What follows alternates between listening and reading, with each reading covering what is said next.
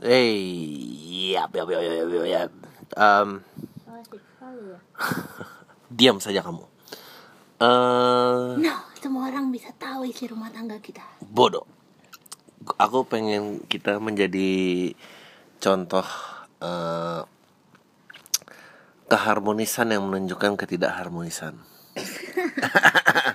pokoknya, ya, pokoknya eh dijauh dari pretensi-pretensi lah, kemanisan-kemanisan, bohong semua kemanisan di sosial media itu.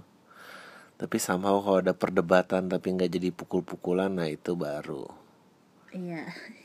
You know sometimes I I think that's what makes eh enggak ding ini tanggal besok berapa sih?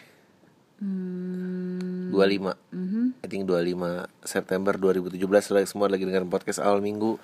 Ehm, buat pendengar baru yang nggak tahu ini apa, cie, jarang-jarang nih gue nyapa pendengar baru. Kayaknya nggak ada pendengar baru deh, I don't know. Eh, kalau ada, please komen, gue pengen tahu. Em, ya isinya sih rambling, terus setengah jam gue bahas email-email dan pertanyaan di SFM email ke podcastalminggu@gmail.com uh, podcast Awal minggu bisa di follow di SoundCloud podcast iTunes Facebook uh, Twitter dan Instagram SFM gue apa tadi mau ngomong apa oh Keharmonisan yang tidak harmonis. iya menurut harmonis. keharmo- ah, ada nggak sih nyontoh nyatanya yang konsisten di dunia nyata dan di dunia asli menurut kamu What? eh gembel ah, kan ini aja dia kamu jangan kecanduan Netflix gitu dong udah dong Gua lagi nggak ngeliat Netflix. Ya apalah itu yang kamu kecanduan. Terus? Nggak menurut kamu ada nggak? Kamu pernah nggak ketemu couple yang emang bahagia di sosmed dan aslinya memang bahagia? Hmm. nggak ada kan?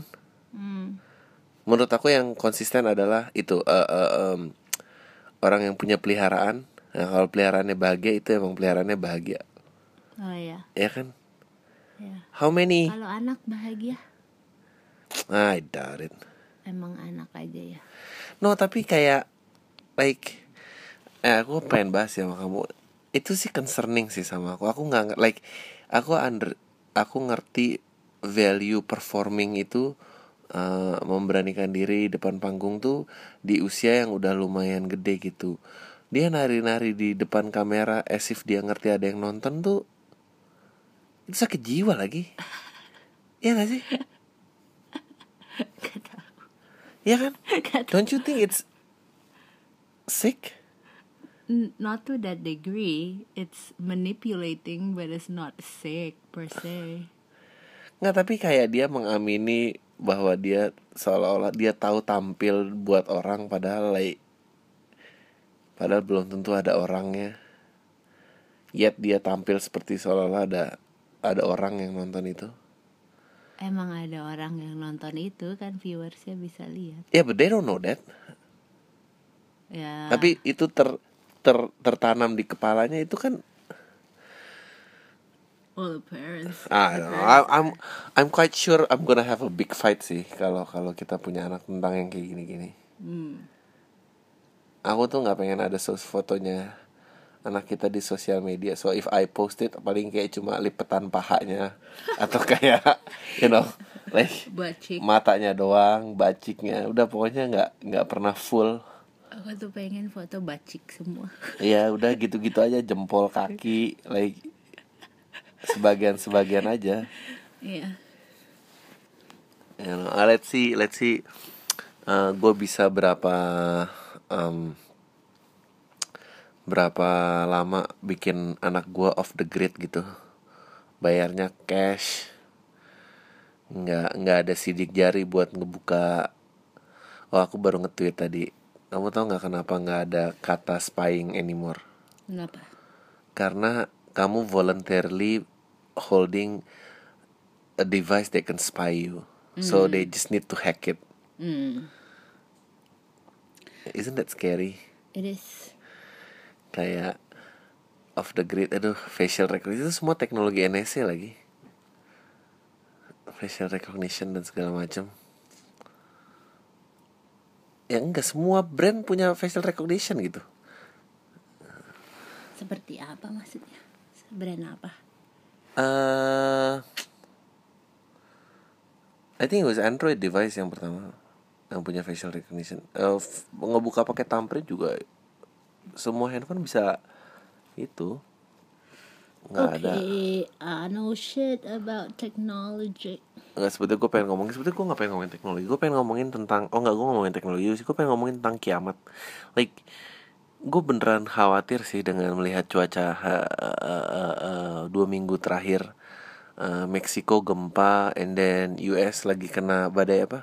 Irma, Irma and then ada di belakang Irma ada yang mau nyusul kan nih Meksiko juga. ya Meksiko lagi gempa. di belakang Irma ada yang mau nyusul eh, badai apa nggak tahu. Pokoknya bergerak dari dari Afrika. Then ada meme yang bilang nih orang-orang Afrika, mengutuk Amerika dengan ngirim-ngirim badai. And then mm, Gunung Agung menunjukkan keaktifannya kembali like after itu berapa ratus berapa tahun sih Gunung Agung dinyatakan tidak aktif. And then now mulai berbatuk-batuk and then ada El Nino di Kalimantan makanya panas banget. Air-air ini like I think it's coming to an end.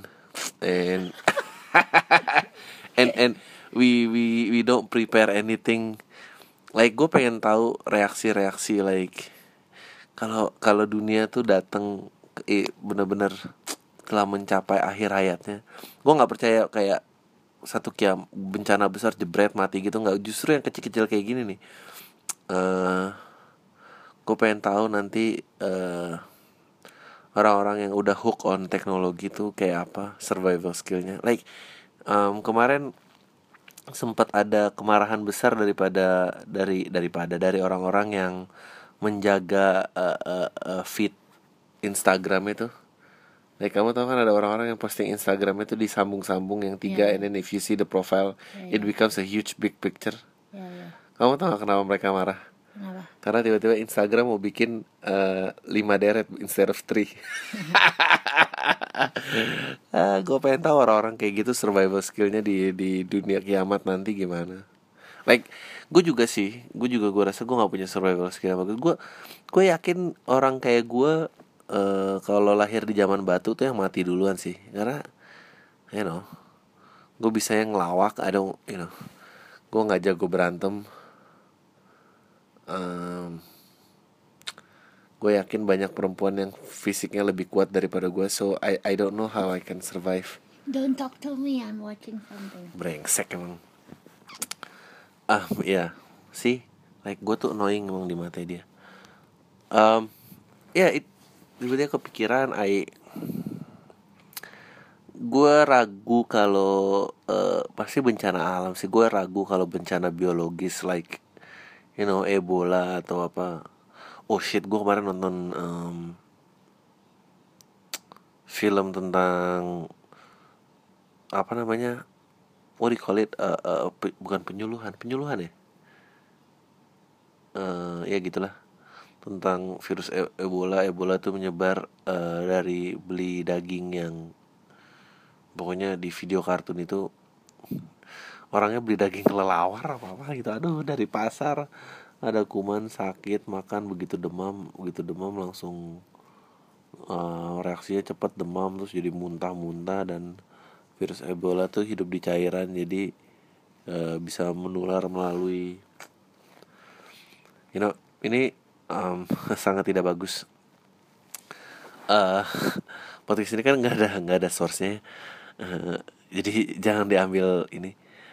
Em, apa ya, eh, hidup di cairan jadi bisa ditularkan melalui ludah eh, luka and then muntah fisis eh, cairan seks ya saat berhubungan intim eh, terus pokoknya dia cerita menanggulanginya terus nguburnya juga harus gimana bla bla bla terus semua yang pernah bersentuhan dengan penderita Ebola bajunya apa dibakar gini gini, gini like um, gue ragu sih kiamat kiamatnya eh, eh, eh.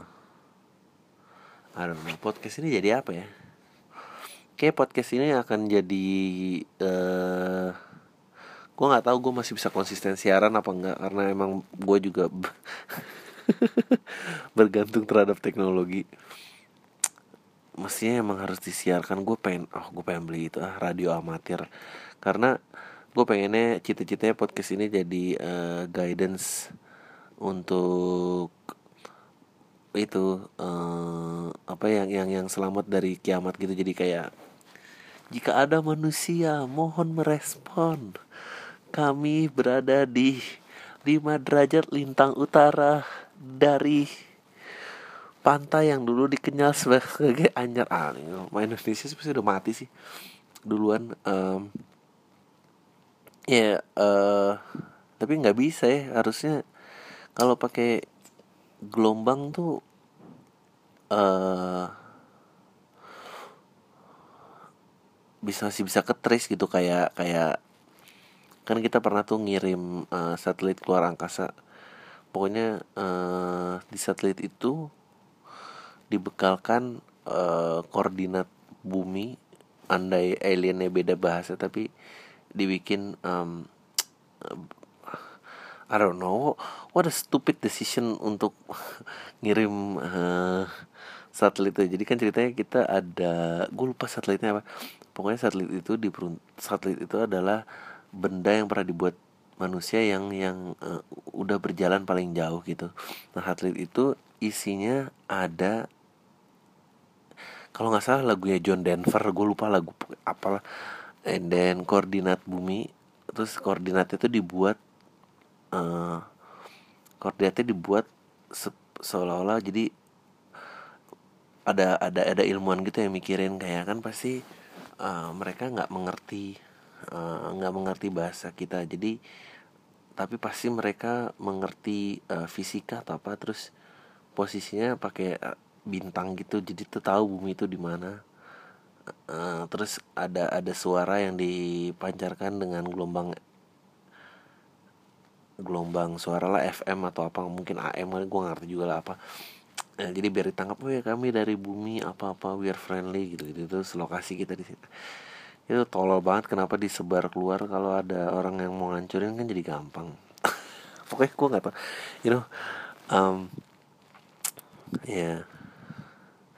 gue tuh kadang-kadang suka kepikiran yang ironis adalah uh, semakin maju teknologi itu ternyata teknologi itu semakin rentan dimakan zaman gitu maksudnya um, semakin digital bentuk teknologi semakin nggak tahu kita cara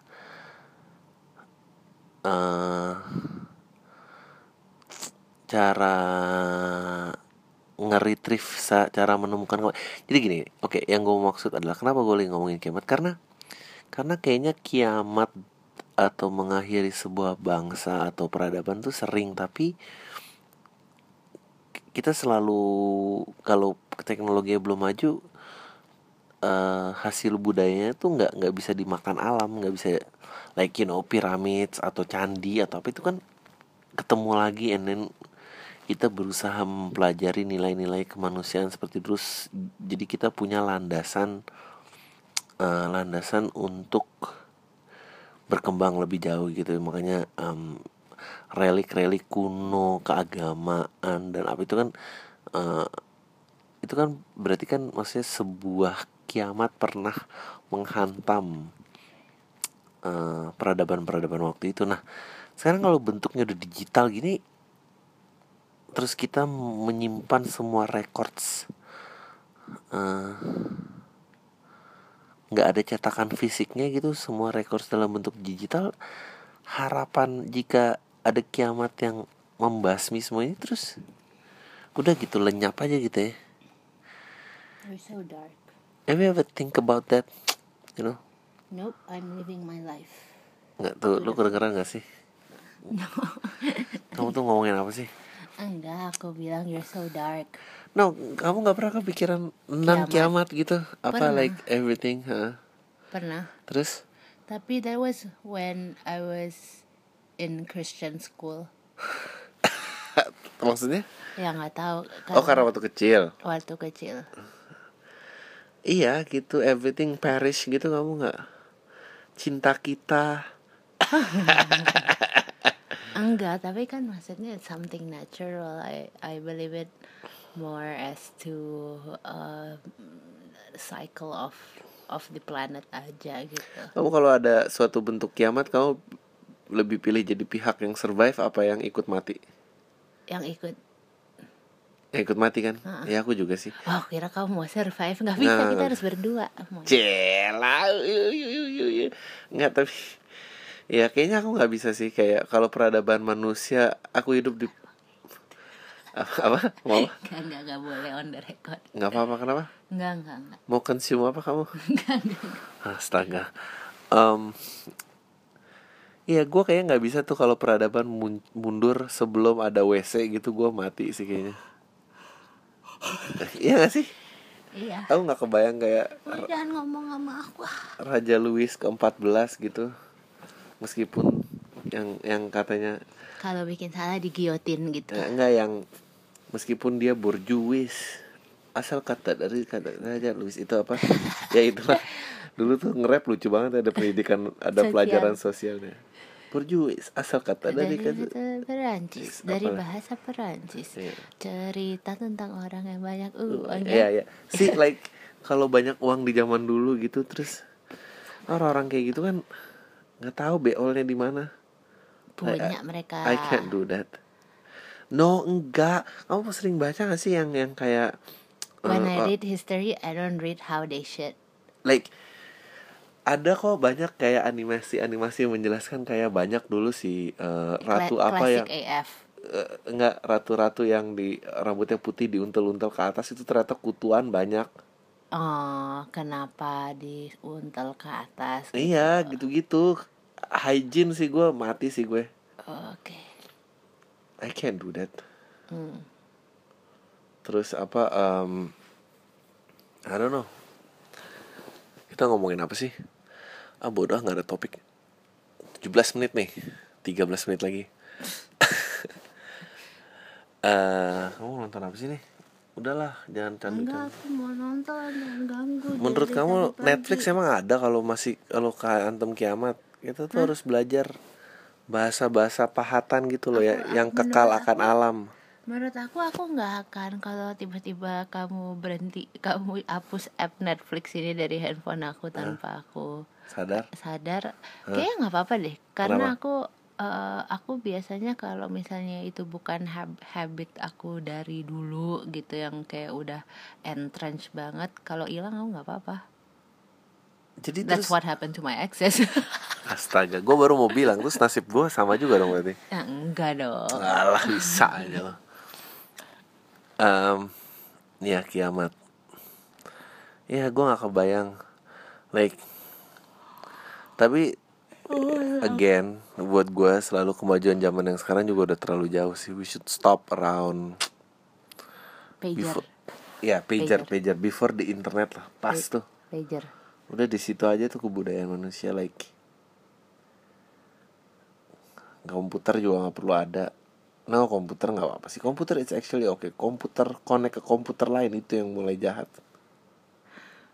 Enggak, tapi come to think of it, hmm, jangan stop di pager deh. Nah, Karena hmm, internet tuh cuma menyebalkan kalau kita lagi ngapa-ngapain. what do you mean?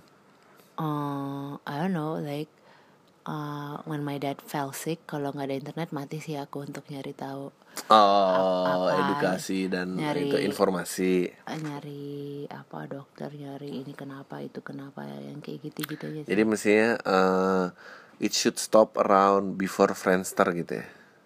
Iya, Before MIRC lah. iya. Aku bahkan nggak MIRC loh. Aku MIRC. Aku Friendster langsung. Dulu aku pernah tuh teman-teman kayak MIRC Tete gede cewek 16 tahun langsung rame room Anjing sampah banget ASL ya ASL. ASL tuh apa? Age, sex, location Iya ASL please. Gitu. Aduh, lah Apalagi tadi ngomongin kiamat Oh iya Ada gak ya? Gue pengen kalau kiamat kan pasti ada yang bertindak sok-sok nabi itu yang kayak Enggak ke sini ke sini Gue mau jadi orang-orang yang, Jangan dengerin Jangan dengerin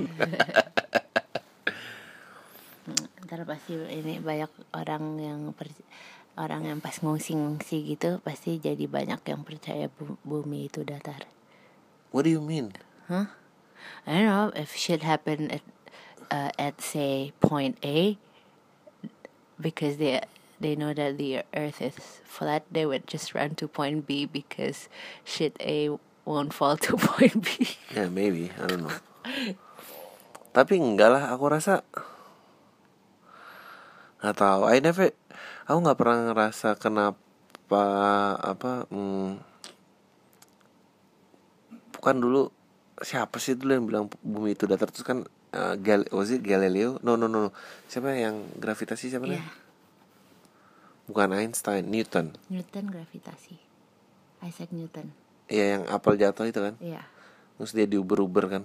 Ya. Mau dimatiin sama rajanya lah. Oh lupa. Ya, don't. Gue rasa jadi orang-orang zaman dulu yang jadi raja juga pasti ignorant little brats gitu ya nggak tahu apa-apa kok. Oke. Ya udahlah, nggak menarik ya. Ah, she just left. Um, pergi bukan ketawa. nggak itu laugh, honey. Oh by the way, gue harus ngingetin kayaknya um, yang Bandung gue masih mau jual. Gue berharap banget gue bisa dua kali main. So please, please beli. Please beli gunain teknologi ini untuk nolongin gue. Kasihan sekali suamiku. Udah gajian 25 atau gajian 28 bentar lagi please please please please. Karena kalau nggak gue kayak kapok deh show keluar kota. Em, Enggak kan tapi kamu you got the first show sold out right? Iya iya iya. Tapi ya Dan kamu emang nggak mau terlalu banyak crowd kan?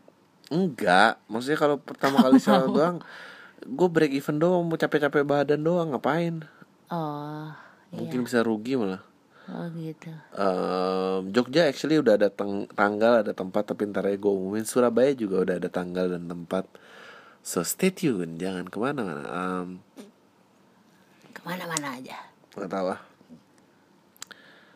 Ah gue gak ngerti lah Udahlah ya baca pertanyaan aja Pertanyaan banyak deh kayaknya Maaf ya Gue udah capek gue nggak tahu lagi mau siaran apa. Eh jangan pengen-pegang, ngapain sih lo? Sejelas Gang, di wedding. ganggu aja. Uh, na na ini gue tuh sebetulnya kalau kayak nyanyi kayak gini karena gue lagi ngebuka SFM atau itu nggak langsung keluar jadi gue kayak harus cari gitu. Oke. Okay eh, apa nih Apakah nasionalisme itu overrated jauh di podcast? Eh, menurut gue overrated pada saat menjadi eh bentuk seni dan teknik pemasaran sih.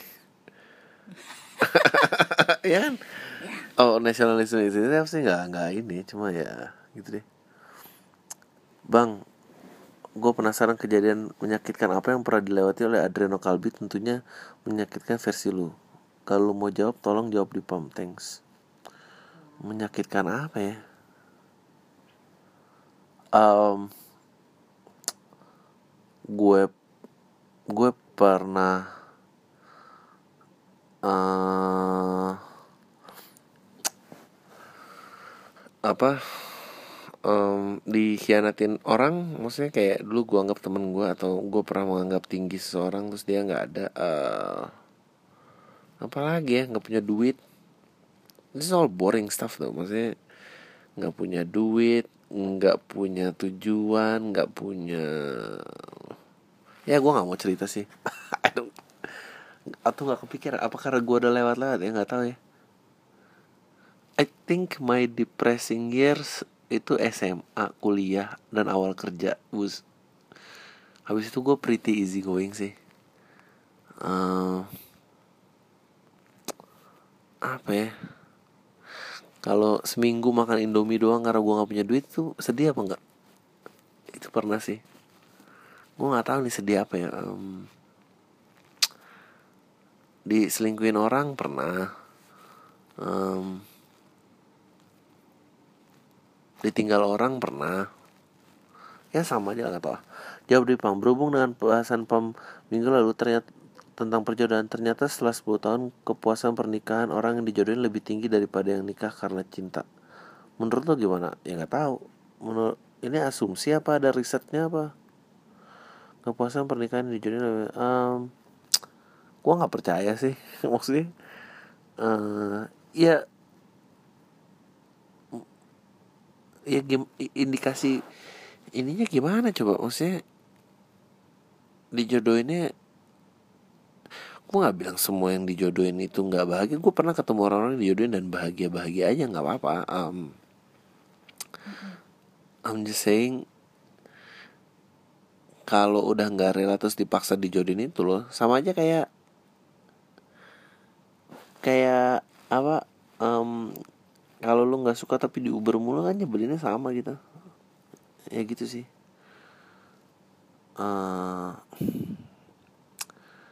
apa sih nih apa lagi ya yang kedua oke okay.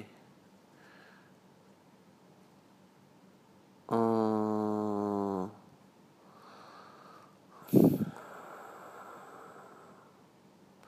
Gimana caranya membuat pilihan di saat kita sama sekali nggak punya opsi? apa masih gak ada yang diri ya kalau nggak punya opsi ya pasrah aja gimana sih gue nggak ngerti. Like can, if you guys ask do you lu boleh gak sih nanya yang yang yang dijabarin gitu maksudnya? Jangan pertanyaan filsuf bagaimana caranya membuat opsi di saat udah nggak ada opsi? Tahu. Ya nggak ada opsi. Atau kalau ada kalau nggak ada opsi berarti ada opsi lu cuma um,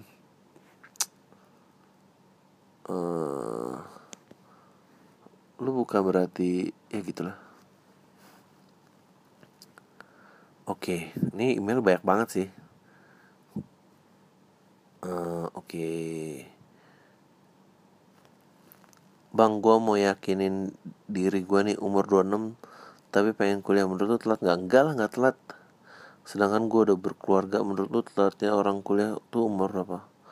Mau, you know kalau lu pengen menjadi pribadi yang lebih baik dan lu nggak meninggalkan tanggung jawab lu lu bisa kuliah ya kuliah lah. Janganlah kalau emang lu pengen kuliah banget.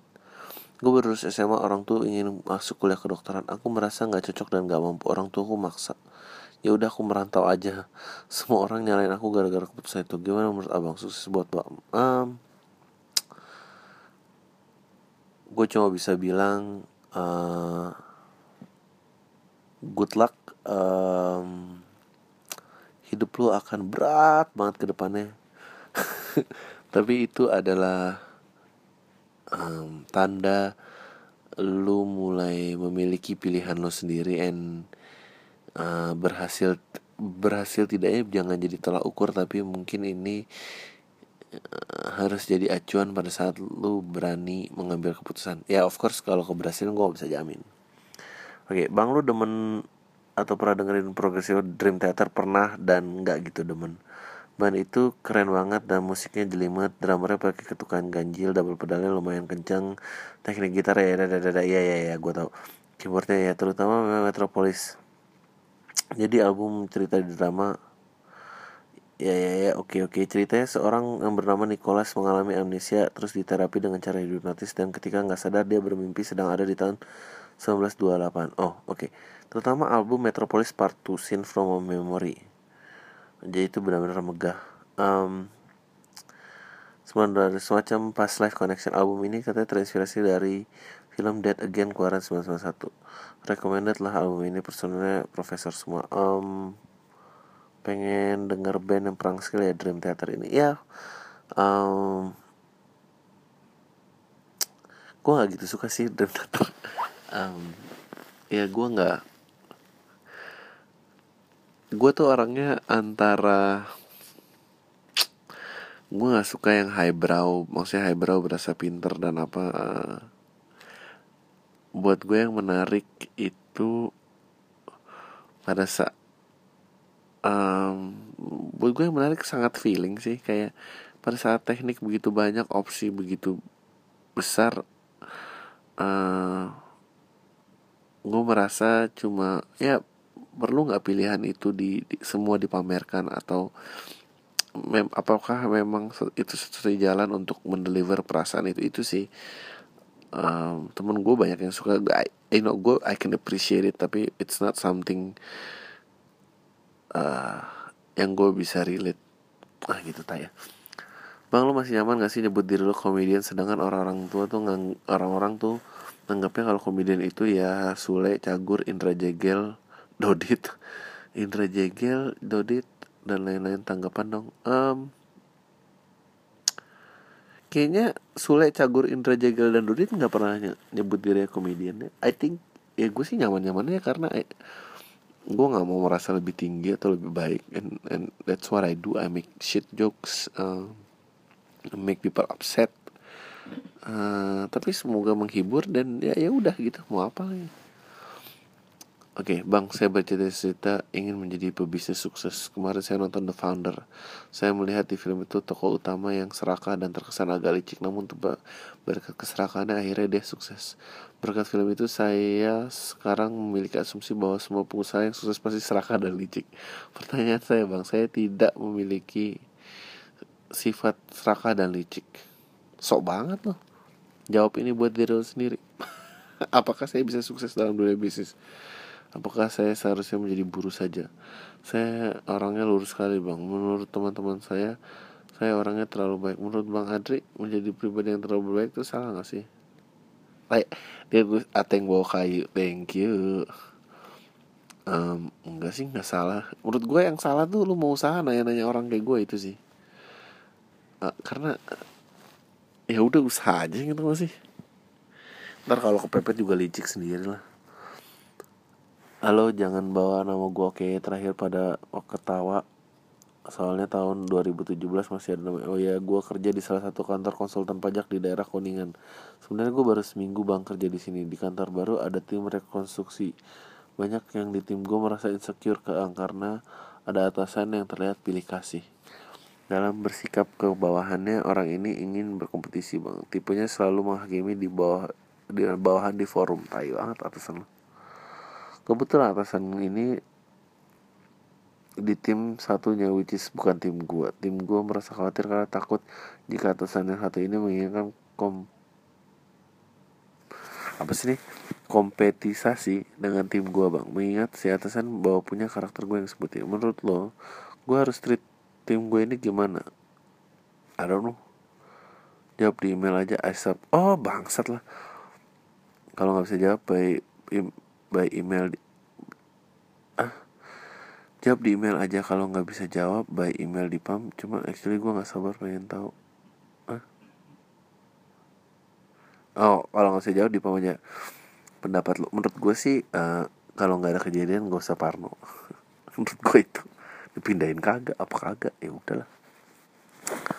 Oke bang, teman gue kerja di kantor pertahanan dan ceritanya pemerintah punya program sertifikasi tanah gratis secara nasional. Setiap anjing pertanyaannya berat-berat banget nggak ada yang ini pertanyaan-pertanyaan yang ngajak cewek check in gitu terus diselingkuin ke mana sih udah nggak ada ya? Ini nggak ada yang bisa dibikin jok nih. Secara nasional, setiap daerah punya target jumlah sertifikasi yang berbeda, tapi sebenarnya target itu tak mungkin dicapai karena masalah sumber daya manusia yang kurang banyak. Sehingga sistem kerjanya kayak kerja Rodi. Pas gue tanya alasan kenapa pemerintah saya target sebanyak itu, jawabannya adalah karena Jokowi yang minta. Menurut gue pegawai pemerintah dipaksa untuk kerja Rodi untuk memenuhi kebutuhan masyarakat, tapi tujuan utamanya buat nama baik si presiden. Kalau lu gimana bang? Apa memang pegawai pemerintah kerjanya cuma membangun nama baik pengusaha? Um, enggak sih, menurut gue uh, itulah sifatnya bekerja bangun baik sama atasannya apa lu pun kerja ya begitu gitu. Emang selalu ada yang kayak gitu. Maksudnya ya mau gimana dong? Ya gak sih? Halo bang, bahas dong di podcast kalau berkenan sama ibu kalbinya juga boleh. Kalau sebagai calon orang tua, apakah lo kelak akan menjadi orang tua yang rigid konservatif dalam hal-hal kayak seks bikin tato piercing dan lain-lain? Atau lo akan jadi orang tua yang membebaskan anak lo melakukan apa pun dengan tubuhnya once uh, she or he grow up. Uh, share pandangannya dong. Uh, eh gue ada millennials problem nih. Bang tante gue bikin instagram terus nge-add gue akun gue di private. Setelah sebelumnya doi pernah nge-stalking terus ngomong di foto gue yang bajunya agak kebuka. Uh, uh, sumpah banget sih akun ini udah, udah tua juga pakai bikin akun IG lagi. Gimana menurut pendapat lo yang nanya gini-gini orang tua yang trying too hard to catch up with millennials gitu aja. See you in Bandung. Uhu. Um, gue akan menjadi orang tua yang kayaknya gue akan jadi orang tua yang strict tapi sampai umur tertentu um, abis itu terserah sih. Dan Marsha kayaknya cukup sama dengan hal gue. Uh, kalau keluarga um, millennial problem nge gue sih nggak nggak tahu ya. Lu blok aja. Kalau gue sih jadi lu gue blok sih tante lu. Bodoh amat. Gue nggak punya problem kayak gini. Gue pernah di follow gue pernah di follow terus diem diem gue ambil hp gue lihat gue unfollow aja punya gue um, oke. Okay. alat apa aja yang lu pakai buat rekaman podcast dan kenapa lu selalu bisa pot upload podcast tiap awal minggu konsisten. Nah yang dipakai handphone gue doang. Alasannya kenapa? Karena gue nggak banyak jam manggung. Gue banyak kan nganggur ya oke okay. bang nanya dong gimana caranya ngobrol dengan baik dan benar. Aduh pertanyaan-pertanyaan apa sih kayak gini nih? Kenapa jadi gig semua sih yang di sini? Baik yang benar I mean basa-basi dan maintain suatu obrolan spesialnya dengan orang yang gak seberapa dekat dengan gue. Gue tahu you have some you have the same problem with me tapi bedanya lo masih berharap kalau basa-basi itu cuma last for two second. Kalau gue malah sebisa mungkin menghindari interaksi sosial dengan orang. Ya bagus. Uh, yang beberapa kali kayak gue ketemu mereka di mall gue rela di tour ke lantai atas supaya gak ketemu mereka. Menurut lo gue harus gimana bang I don't have the problem dengan orang yang udah lumayan ketemu gue cuma berlaku kok. Nggak aduh ya nggak tahu. Lari juga nggak apa-apa. Uh, yang nggak close enough buat dipanggil teman tapi far enough buat dibilang stranger. Nggak not far enough. I have a lot of question ke lu tapi gue nggak mau spam email lu. Lu prefer gue nanya satu pertanyaan tanya satu aja. Ini udah berapa pertanyaan yang lu tanya ke gue kayaknya lu lebih butuh pertanyaan. Ya, emang di gue kirim satu ah apaan sih lo? Um, gue sendiri juga nggak gitu suka banyak orang jadi kayak cuek-cuek aja uh, tapi nggak sampai ngindar-ngindar gitu. I found lot of people annoying tapi tapi gue punya ego yang gede jadi kayak ya kalau dia annoying ya gue jalan aja sih. Um, tapi ya gue nggak ngerti sih kalau sampai ngindar-ngindar lu mungkin dalam hati lu juga mikir lu tuh orang yang penting makanya bakal disapa. Bisa aja lu nyap lewat terus nggak ada yang nyapa gitu maksudnya. Nggak tahu lo gue nggak percaya sih sama orang yang berkasing nggak pede itu pasti ada ego sesuatu yang diumpetin dengan cara lain. Oke. Okay. Halo bang, gue salah satu pendengar setia lu. Lu pengen tahu kan macam gimana pendengar lu? Gue lulusan universitas swasta di Karawaci Pernah lu mention sebelumnya sama Ibu Kabi Gue ambil HI, sekarang gue kerja di perusahaan digital advertising di daerah Sudirman. Kemarin setelah dengar kelah kesal lu di email yang makin dikit gue jadi sadar gue adalah salah satu pendengar egois. Akhirnya gue beraniin buat nambahin bahan podcast. Oke. Okay. gue penasaran gue udah pernah ngobrol sama temen gue soal presiden Singapura yang kepilih dia kandidat tunggal. Terus gue mikir mungkin gak sih semacam negara maju macam Singapura presidennya cuma simbol aja kayak raja? Ya nggak mungkin lah uh, regulasinya bikin dia nggak ngaruh. Banyak soalnya negara udah dewasa banget terus dia ada jelek sama bagusnya. Kalau negara maju rakyat jadi apatis banget. Kalau mimpinnya benar macam Trump ya hancur. Gue pengen bahas aja sih. Jadi nggak ada pertanyaan khusus. Sama ceritain dong ibu Kalbi kisi-kisi masuk UN ah ibu Kalbi udah tidur asli bang lu lebih kalau sendiri sama kalau siaran berdua lebih asik sama ibu Kalbi gue nggak ngerti kenapa lu ngeluarin pendapat kayak gitu. Gue juga tahu tapi gue yang maksa gue mau siaran sendiri. Lu mau apa? Ini tuh udah pernah dibahas dari dulu apalah. Ini emang nggak dibuat buat asik banyak orang kok. Nggak um, bisa. Jadi ceritanya adalah ya makanya um, peraturannya selalu berkembang dan segala macem um, karena kayak kenapa ada maksi jabatan maksimum terus uh, periodenya boleh berapa kali Amerika 4 tahun kita lima tahun empat kali dua deal kita lima kali dua. Emang untuk mengalihkan kekuasaan dan waktu itu um, yang waktu itu dicopot dari kita adalah legislatif, eksekutif, yudikatif dipisah dulu kan jadi satu uh, maksudnya tuh nggak nggak berfungsi dengan baik. Tapi kalau presiden sendiri nggak ada kekuasaannya nggak mungkin. Yang bisa tuh kayak raja tuh dicabut udah menjadi simbol. Kalau kayak gini nggak ada lagi orang yang hidup banyak terus nggak ada pemimpinnya gitu arut marut gitu. Bisa gak sih? Bisa apa sih? Nggak mungkin lah. Kepala suku aja tuh ada ininya sih ah oke. Okay. Halo bang, gue ikut nanya ngeramein pendengar setia anak perantauan aus anak perantauan di Aussie perantauan tulen yang nggak kayak kota-kota besar yang komunitas yang tuh biasa komunitas Indo juga. Jadi ini obat kangen banget bang dengerin podcast Indo lucu lagi. Uh, pertanyaannya adalah uh, bikin podcast terinspirasi Bill Burr Monday Morning Podcast. Yes. Kalau enggak enggak gue udah tahu. I, I adore the guy. Um, Terus Ibu Colby juga miripnya the, the, the, the, voice of your balance to your sanity. Follow up question ini lebih seru kayaknya.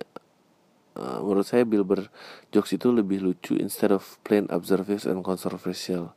Dan saya telah tahu dia menikah sama oke ini uh, segmented banget. Kulit hitam menurut abang saya rasis nggak kalau gitu? Enggak sih.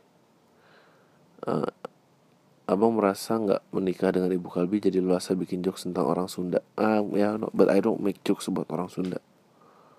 Saya bukan komedian tapi berasa banget date sejak dating sama orang kulit putih. Uhu karena orang lokal semua pedalaman osi. Nggak ya. Lu di mana sih? Kabarin gue lagi dong. Uh, eh, CG gitu. Gue juga dulu cukup pedalaman. Um, tapi ngomongin soal joke menurut gue yang bikin keren dia adalah uh, point of view-nya. Dan gue banyak kayak oh anjing gue jadi mikir hmm, it, dan gue lang eh, gue emang selalu suka yang kayak gitu ay gue nggak suka root gue nggak suka apa tapi gue suka memutarkan point of view dan semua orang yang gue ikutin yang gue idolize I, you know gue pernah sering gue sering bahas sih kayak gini-gini um, memang tipe joknya seperti itu sih. Itu yang menarik buat gue and I think berkesenian harusnya kayak gitu. Ada pergeseran paradigma yang dulu lu punya tapi setelah lu mendengar apa atau lu menonton apa lu buat kayak hmm lucu juga kayak dia kayak gini. And that's it and it stays with you gitu. Oke. okay dia sebut nama. Jadi gue punya temen. Dia punya pacar dan pacarnya dapat dari Tinder. Dia PDKT cuma satu minggu dan langsung jadian. Temen gue kuliah di Bandung dan pacarnya kuliah di Palembang. Jadi mereka LDR pacar itu tajir melintir bang. Dan gue tahu kalau temen gue ini matre. Jadi dia mau aja pacaran sama tuh cowok. Padahal dia nggak ganteng nggak asik gitu orangnya. Dari awal tau gue tahu gue nggak suka mereka pacaran. Dari awal gue nggak suka mereka pacaran karena gue tahu temen gue ini nggak cinta banget sama cowok itu. Sedangkan cowok ini cinta banget sama temen gue mungkin lo cinta kali ya sama temen cowok lo ya itulah cowok temen lo mungkin karena merasa nyambung karena mungkin merasa nyambung karena temen gue juga nggak asik ngo. Kayak ngobrol susah nyambung karena mikirnya lama. Sebulan pacaran dia cerita sama gue kalau dia pengen putus tapi nggak putus-putus dia malah nyamperin cowok yang Palembang berkali-kali. Tentunya dibayarin si cowok dan bohong abis sama gue soal kepergiannya. Abis itu dia lagi pengen putus tiba-tiba ada tiba-tiba dia cerita kalau seorang tua si cowok ini nuruh mereka nikah karena alasan ntar lagi mereka pensiun. Biar ada yang datang ke kondangan banyak. Gue ngomelin dia. Bilang kalau nikah tuh nggak cukup materi doang. Dia bilang aduh lu tuh tahu banget sih sama temen anjing nih. Email gue kata-kata ini. Dia bilang pengen putus tapi galau antara terima atau enggak kalau dia nggak bego sih ya nggak bakal nolak. Ngapain sih lo kayak gini diurusin? Nggak cukup habis itu dia diminta tinggal di rumah cowok nggak usah ngekos di Bandung dan dia mengiyakan. Tapi di sisi lain dia kan pengen putus bego banget kan. Ya biarin aja. Eh, dia mau enaknya dibiayain hidup tapi pengen pisah. Dan gue nggak habis pikir orang tuanya kok ngizinin buat dia orang yang bukan siapa-siapanya gitu loh sumpah. Dia tuh nggak miskin sama sekali ha gue sekarang malas bang dengar cerita dia apalagi gue ngomong sukanya tinggalin aja. Tapi gue udah nggak peduli dia. Bodoh amat deh saking begonya dia dia nggak sadar. Terus sekarang katanya dia tuh lagi cari gedung buat tunangan tai banget kan. Ya iya betul dia. Kenapa jangan mengidolakan pernikahan sih? Karena kayak gini banyak. Gue sekarang udah nggak mau temenan dia lagi. Menurut lu gimana? Udah lu udah bener. Makasih udah bacain curhatan gue ini. I don't know lu udah bener. Gue nggak tahu mau nanggepin apa. Oh oke. okay. Um, barusan nemu link uh, aturan baru di US soal war against porn. In a nutshell, basis aturannya karena porn nggak bikin nggak sehat teens di Amerika. Menurut Bang Adri gimana? Salam. Um, ya bener sih menurut gue. Menurut gue, um, porn tuh sangat damaging memang. Um, apakah harus di ban I don't know apakah harus diregulate? Iya tapi gue nggak tahu gimana cara regulate-nya. Uh, Louis C.K. pernah bilang kayaknya porn itu adalah satu-satunya hal yang nggak akan habis jika kalau mereka berhenti bikin. Kayaknya ya lu seumur hidup pokoknya kalau ada bayi baru lahir suruh nonton secara alfabetis ntar sampai dia mati itu paling baru sampai abjad B. Pokoknya parah deh. Ya itu benar uh, I don't know like apakah sah sebagai medium expression ya mungkin tapi ya nggak gitulah nggak tahu lah um, ya pon tuh menarik ya oke okay, mungkin kita harus bahas lebih dalam eh Oke, okay, email perdana. Gue udah cukup sering dengar podcast lo. Menurut lo lebih parah nonton sinetron sekarang ini atau nonton film G3 Plus PKI? Anjing. Gue termasuk generasi yang gak ikut paksa nonton film G3 Plus PKI. Jadi gak secara langsung cuma tahu sedikit-sedikit sejarahnya. Dengar-dengar terakhir masuk kurikulum tahun 2008.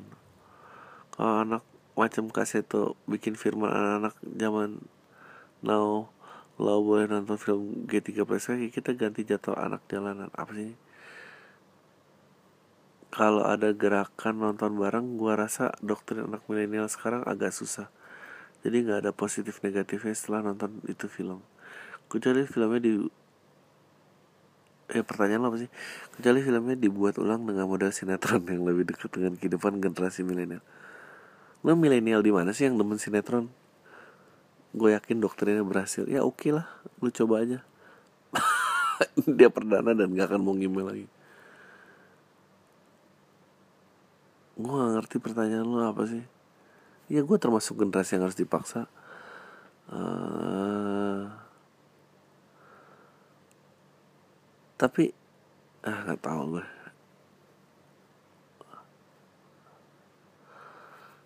halo bang. Pengen tahu gimana cara abang nulis Halo bang, pengen tahu caranya gimana abang mencari ide buat nulis dong bang. Kayak materi stand up abang itu idenya memang selalu digali Atau nunggu ada ide yang baru bisa ditulis materi gitu? Enggak.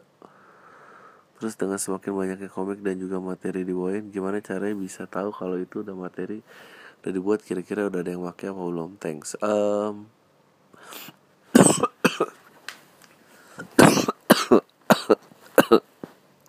kalau gue mati. Nih jadi rekaman yang terakhir gimana? Enggak deh um, gue nulis materi sebetulnya sangat gampang. Gue sering kok gue bagi-bagi gratis. Gue dan gue sering bahas ini. Gue selalu mulai dengan pertanyaan yang mengganggu gue apa pun itu bentuknya. Dan gue selalu berusaha tanya jawaban yang paling polos yang gue inginkan dari pertanyaan itu apa apa aja nih topiknya bisa apa aja? And then misalnya um, misalnya kenapa sih sekarang uh, menurut gue sangat mengganggu kalau cowok dipaksa untuk menghargai kesetaraan gender saya pertanyaan itu menurut gue kayak ganggu ya. Kenapa sih cowok harus dipaksa untuk menghargai kesetaraan gender? Tanda tanya. Ini jawabannya tuh bisa banyak banget bisa lu pilih. Ya karena lu kalau lu orangnya so bener lu akan pilih. Ya karena kesetara itu baik buat kita Kita harus membuat dunia yang lebih baik untuk semua orang. Dede dede dede dede. Um, lu bisa jawab itu atau lu bisa jawab um, misalnya lu jawab uh, atau lu bisa jawab enggak mestinya lelaki itu di atas segala-galanya. Kayak Donald Trump tuh benar lu bisa jawab itu? Atau lu bisa jawab menurut gue memang tidak ada salahnya. Tapi aku selalu suka jawaban seperti itu. Tapi um, kalau dipaksa tuh memang jadi annoying dan dan menurut gue apa pun yang dipaksa tuh annoying. And then oke okay, katakan jawabannya itu. And then um, bagaimana caranya mendeliver jawaban tadi sampai masuk akal di di di kepala orang dengan cara yang yang lucu gitu dan dan dan ya udah dipakai aja dipakai eksagerasinya dipakai analoginya dipakai personifikasinya terus dibolak balik di challenge di apa yang di you know apakah membutuhkan pembuka. Um, kenapa gue yakin gak pernah ada yang bawain dengan komik lain dan segala macam karena karena gue percaya dengan keunikan sudut pandang yang lu punya. Kalau lu jaga dengan baik mestinya itu nggak dimiliki orang lain. And that's how Adriano Kalbi bikin materi. Ya udah gampang kan? Bang pernah baca buku A New Earth atau The Power of Now gak? Kayak cocok ya buat abang Karena menurut those book very enlightening Kayak abang. Atau abang rekomend buku-buku yang membuka pikiran Gak ya uh, Terima kasih udah dibacakan. Um, Ya gue selalu Gue kan gak banyak baca buku ya Dan gue selalu ngerekomend hal yang sama. Baca George Orwell 1984 Baca uh, Brave New World oleh Adolf Huxley. Uh, kalau agak motivational gue dulu pernah baca buku. Bukan buku sih itu jatuhnya notes kecil. Paul Arden. Judulnya It's not how good you are how good you want it you want it to be It's not how good you are how good you want it to be. Ya kayaknya itu itu sama whatever you think think the opposite. Itu sama pengarangnya. Um, eh ya apa ya buku-buku lain yang gue baca? Oke. Okay. anjing nih jauh banget. Halo gue pendengar lo dari ini oke gue mau tanya gue udah ngeband selama tiga tahun masih dengan band yang sama gue serius banget sama project musik ini. Udah banyak waktu dan uang yang keluar udah banyak buah pikiran dan materi lagu yang dibuat. Kita udah tahu tujuan mana kita sebelumnya yaitu ngeluarin EP atau album ya walaupun self release itu gue rasa itu goalsnya kalau kita main musik. Gue agak cemas belakangan ini dua teman gue yang lain terlalu ngebanyakin teori dan banyak distraksi jadi cuma ngomong doang gitu ngelakuin nggak ngelakuin apa apa pas gue tanya apa yang mau dilakuin selanjutnya malah ngomong soal teori ini itu ini itu. Menurut gue itu udah nggak perlu lagi dibahas. Udah tahu sama tahu udah khatam. Sama aja ngebuang-buang waktu menurut gue kalau ibarat tiga garis lurus nih ada satu yang paling depan dua lain kedengaran di belakang. Gimana sih bang cara lo ngomong ke dua orang yang kebanyakan teori dan alasan dan bahasa basi itu? Ya teorinya apa? Alasannya apa? Bahasa basinya apa menurut lo apa sebaiknya gue lakukan? Sorry kalau kepanjangan sukses buat gue. Makin banyak show dan film cameo di film Tai. Dan semakin jadi bintang tamu di talk show. By the way gue fans ibu Kalbi. Gue suka lagu dia di Strange in Strange is the song in our conversation. Tolong minta tanyain lagu nggak mau dia nyanyiin. Hmm, nggak tahu ya. Um, band is always I, lalu lu tanya salah satu hal yang tersulit yang pernah gue lakuin lalu waktu itu pernah band gue bubar dan gue sedihnya setengah mati um, atau band gue personilnya punya band lain terus gue sedih. Um, ya nggak tahu emang satu visi susah sih chemistry itu susah. Gue baru bahas ini. Kayaknya di atas SMA tuh susah gitu mencari keselarasan tuh susah sama orang lain. Orangnya udah mulai gue lo gue gue gitu terus ya udah gitu. Um, tapi kalau jadi menurut gue sih kayak gitu gitu sih pasang target aja sih harus apa gitu. Kadang-kadang nggak harus guyup-guyup bareng gitu kompak dan segala macam penting tugasnya kelar aja. Udah lama gak kirim email ke PAM Gimana kabar lo? Spesial di Jogja jangan November kenapa? Lebih cepet kelihatan lebih Alah telek lah lo. Lo mau biayain Mau sponsorin. Ngapain sih By the way gue baca tentang nikahsiri.com jadi ingat membahas lo tentang fakta-fakta tentang menikah siri bang. Uh, Kalau lu nggak nggak lu kalau lu nggak bikin edisi pam terbaik tahun kedua? Udah terlalu sibuk ya sama dunia keartisan. Gue nggak bikin karena dulu gue punya editor sekarang udah nggak punya. Uh, podcast ini nggak ngasihin duit. Ini sebetulnya podcast ini udah lebih banyak ngebanin gue sih daripada untuk dilanjutin. Um, ya pertanyaan itu doang kan. Apa kabar gue kabar gue baik Oke, ini ki email kesekian kalinya saya ngirim ke PAM. Saya juga emang saya orangnya emang kepo. Apa aja saya kepoin. Mungkin saya terlalu salah saya juga waktu itu beberapa hari saya iseng-iseng buka. Nggak ada kerjaan buka-buka kontak di lain saya nemu kontak mantan nih bang. Nggak ada yang spesial. Si di profil mantan terus saya nggak sengaja kebuka profil mantan pacar. Hah? Nggak ada yang spesial sih di profil mantan saya terus saya nggak sengaja kebuka profil mantan saya. Hah? Oke. Okay. nah di situ doi bisa-bisa nge-share ceritanya kalau dia udah putus sama mantan saya. Hah? Nggak ngerti gua. Gimana sih ini bacaannya? Buka-buka kontak di line. Di situ saya nemu kontak mantan nih bang gak ada yang spesial sih di profil mantan saya. Terus saya nggak sengaja kebuka profil mantan saya. Nah di situ doi bisa-bisa nge-share ceritanya kalau dia sudah putus sama mantan saya. Hah? Atau ah, for some reason saya merasa anehnya yang namanya putus itu kan masalah pribadi kok bisa saya di share gitu ya di line waktu aku lihat yang like sampai ratusan saya juga nggak paham deh bang kenapa makin ke sini seakan-akan media sosial digunakan untuk ngumbar cerita. Ya sama gue juga nggak paham anyway saya waktu itu baru tahu oh mantannya mantannya dia kayak nggak tahu. Saya baru putus saya ingat abang pernah cerita kalau cowok udah pernah cuman kalau pacarnya baru udah nggak mau lagi tuh ngulanginnya cuma pegangan tangan. Ah nggak ngerti gua. Anyway waktu jadi waktu saya tahu mereka putus saya ingat kan abang pernah bilang tuh kalau cowok udah pernah cuman kalau pacarnya baru udah nggak mau lagi tuh ngulangin cuma pegang tangan oke ya gue ngerti nah ibarat kata ya bang mantan saya udah cuma kurang ml doang mungkin ceweknya putus gara-gara nggak mau diajak ml kali ya oh lu tuh perempuan ya Allah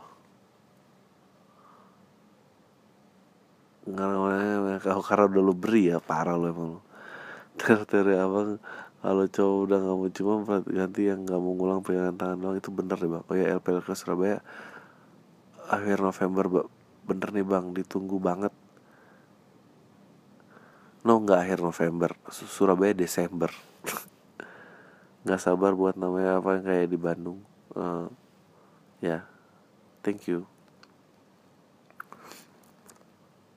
Um, jangan sebut nama Bang Adi terima kasih terlebih dahulu atas saran Bang Adi untuk punya dua kehidupan atau kerjaan walaupun capek tapi sekarang nggak langsung bikin hidup gue lebih berguna. Oke gue mau nanya bang. Menurut bang Adri kalau kita punya pilihan skeptis terhadap suatu hal Lebih baik diam aja. Diam lah daripada di share ke publik. Skeptis terhadap politik atau Paling marah ke agama atau Tuhan. Ya itu pribadi lu main gak usah karena baru-baru ini temen gue ngaku kalau dia ateis dan dia ngeluh. Terus ke gue kenapa banyak orang yang nggak bisa keputusan tersebut? Kebetulan termasuk setiap um, ya dia ngapain? Kalau berani memutuskan sesuatu tuh gak usah cari dukungan katro.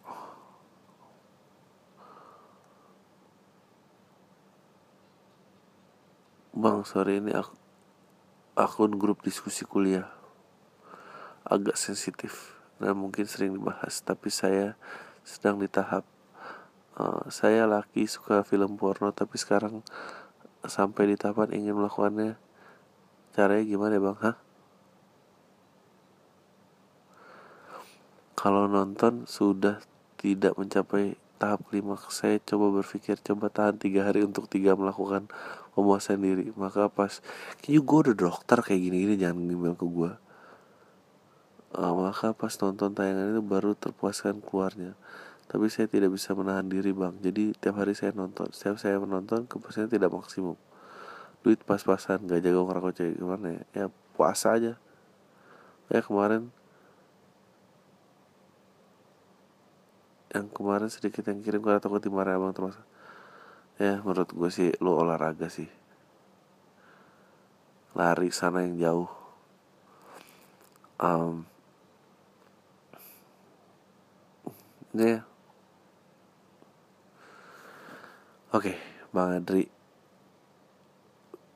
momennya pas bahas G3 plus PKI dong. Menurut lo apakah film G3 plus PKI seharusnya dilarang tayang karena nggak sesuai dengan fakta di lapangan? Uh, menurut gua nggak. Menurut gua boleh. Tapi tandingannya juga boleh ditayangin itu sih ya kayak lu nyebut nih apakah lu udah nonton film Jagal udah nonton Senyap dan Karya Joshua Oppenheimer udah. Um, udah nonton nah yang kayak gitu gitu nggak boleh ditayangin diam-diam. Gitu aja sih kalau menurut gua. Kan demokrasi kan lu lu opini sana lu keluar opini sini gitu. Bagaimana pendapat lu tentang beberapa politisi dan jenderal purnawirawan yang masih pakai-pakai isu kebangkitan PKI menurut lo sebenarnya apa tujuan mereka angkat-angkat isu beginian? Ah tujuannya udah pernah dibahas di podcast awal minggu dengan tamu kemarin lo percaya nggak bang kalau ada beberapa kalangan yang pengen berkuasa lagi dengan isu-isu kayak gini? Ya itu benar. Uh, terakhir apakah menurut lo pemerintah harus minta maaf ke keluarga korban yang terbunuh di tahun 65 dan 6 gue udah pernah bahas ini jauh di podcast ya makanya hmm, ada dua jalur yang pernah diambil gitu oleh uh, yang di mana negara melakukan dosa besar gitu uh, Jerman dengan mengadili dan dan dan dan mengakui secara terbuka atau um, kayak Jepang yang sampai generasi sekarang pun ditutup. Um, tapi yang ironis itu um, adalah keduanya merupakan negara maju. Jadi uh, kalau udah nggak diakui dan nggak maju itu kita udah paling parah sih. Um, itu sih yang sedih karena uh, ya Jepang nggak mau generasi sekarang nggak ada yang pernah tahu um, tapi ya udah di di hidup jalan terus gitu. Dan kita tuh kayak ngaku kagak dijadiin hantu iya terus ya buat takut takutin orang aja. Um, oke. Okay. Hi Lord Adri eh, can you guys stop calling me Lord? Norak banget lu. Kampungan gue pengen cerita tentang pengalaman gue tentang kondangan. Jadi beberapa waktu lalu temen SMA gue menikah. Dan gue sama teman SMA gue janjian untuk jalan bareng ke tempat nikahannya. Sampainya di meeting point ternyata gue doang yang pakai kemeja, celana bahan, pantofel, sisanya pakai jeans kombinasi batik dan kemeja plus sneakers. Dan satu lagi temen gue malah pakai seragam polisi. Alasannya sih karena belum pulang dari dinas. Ya oke yang seragam polisi. Kalau dia nongkrong sama temen gue dari sore sebelum kondangan sudah dia bisa aja pulang dulu karena rumahnya deket banget sama meeting point. Gue sih curiga dia pakai seragam polisi buat buktian ke mantannya aja soalnya waktu mulai awal dia mulai caper-caper gitu ke mantannya gak bener feeling gue atau biar dilihat mantannya yang dulu selingkuhin dia biar kelihatan nih gue sekarang udah kayak gini. Padahal dia malah jadi mirip petugas jaga gedung nikahannya goblok. Nah itu gue pengen selain dia yang dicengin karena seragamnya gue pun tak luput dengan cengan mereka karena kostum gue yang paling proper buat kondangan. Sampai bilang gila lu mau ke mana HKBP padahal kita semua lulusan sekolah Islam. Gue mau bilang ke HKBP katanya gue rapi banget. Ah kejadian ini benar-benar ngingatin gue sama episode pam tentang kondangan. Ya bener kan? Sekian bang. Semoga semakin sukses terus dan semakin ramai lagi pam ya. Thank you. Um, ya udah itu aja um, sorry for the siaran yang jelek. Bandung please habisin tiketnya please please please please, please. beli di shout.id slash lu pikir lo keren. Udah itu aja. Tayo lu semua. Deh